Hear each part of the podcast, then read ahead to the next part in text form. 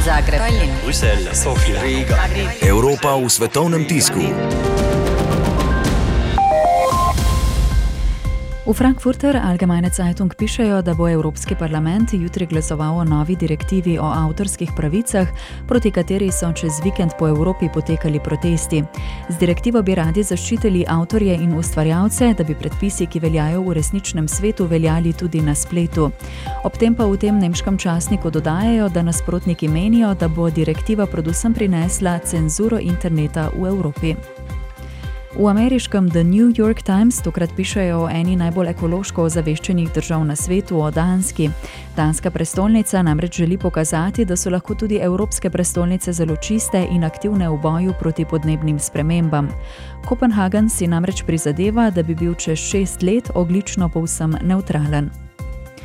Kitajski predsednik Xi Jinping je včeraj zvečer, kot pišejo v francoskem Le Monde, v okviru svoje evropske turneje prispel v Francijo, kjer ga je sprejel predsednik Macron, jutri pa se bo v Parizu v družbi francoskega kolega srečal še z nemško kanclerko Merklovo in predsednikom Evropske komisije Jean-Claudom Junckerjem. Na srečanju bo Evropska unija od Kitajske zahtevala odprtje gospodarstva in jo pozvala k pospešitvi prehoda na čistejše vire energije.